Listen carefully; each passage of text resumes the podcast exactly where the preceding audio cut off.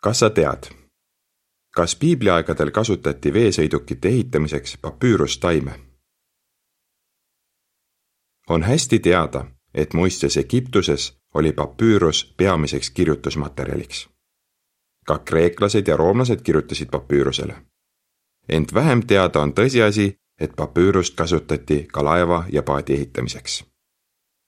allmärkuses öeldakse papüürustaim kasvab märgadel ja aeglase vooluga jõgede kallastel.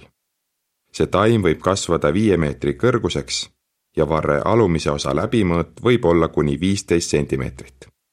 allmärkuse lõpp. prohvet Jesaja kirjutas rohkem kui kaks tuhat viissada aastat tagasi, et Etioopia jõgede piirkonnast läkitatakse käskjalad merele papüürusalustel. hiljem ennustas Jeremiia, et kui meedlased ja pärslased vallutavad Babyloni, siis põletavad nad papüüruslaevad, et babülonlased ei saaks põgeneda. piibel on kirja pandud Jumala vaimu mõjutusel.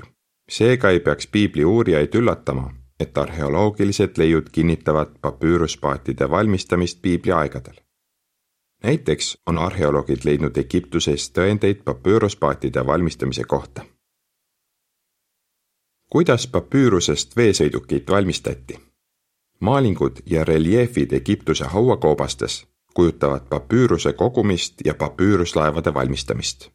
papüüruse varred lõigati maha, seoti puntidesse ja need seoti omakorda kokku. papüüruse varrs on kolmnurkse läbilõikega. kui need varred on omavahel kokku seotud, moodustub tugev ja tihke punt.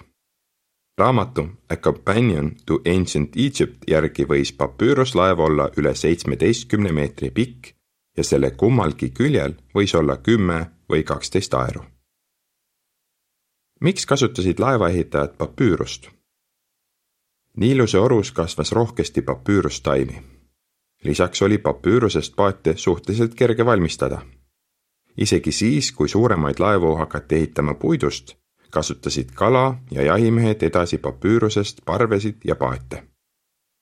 papüürusest veesõidukid olid populaarsed pikka aega algkristlaste päevil elanud Kreeka kirjamehe Plutarhose sõnul kasutasid mõned papüürusest paate veel ka tema ajal. artikli lõpp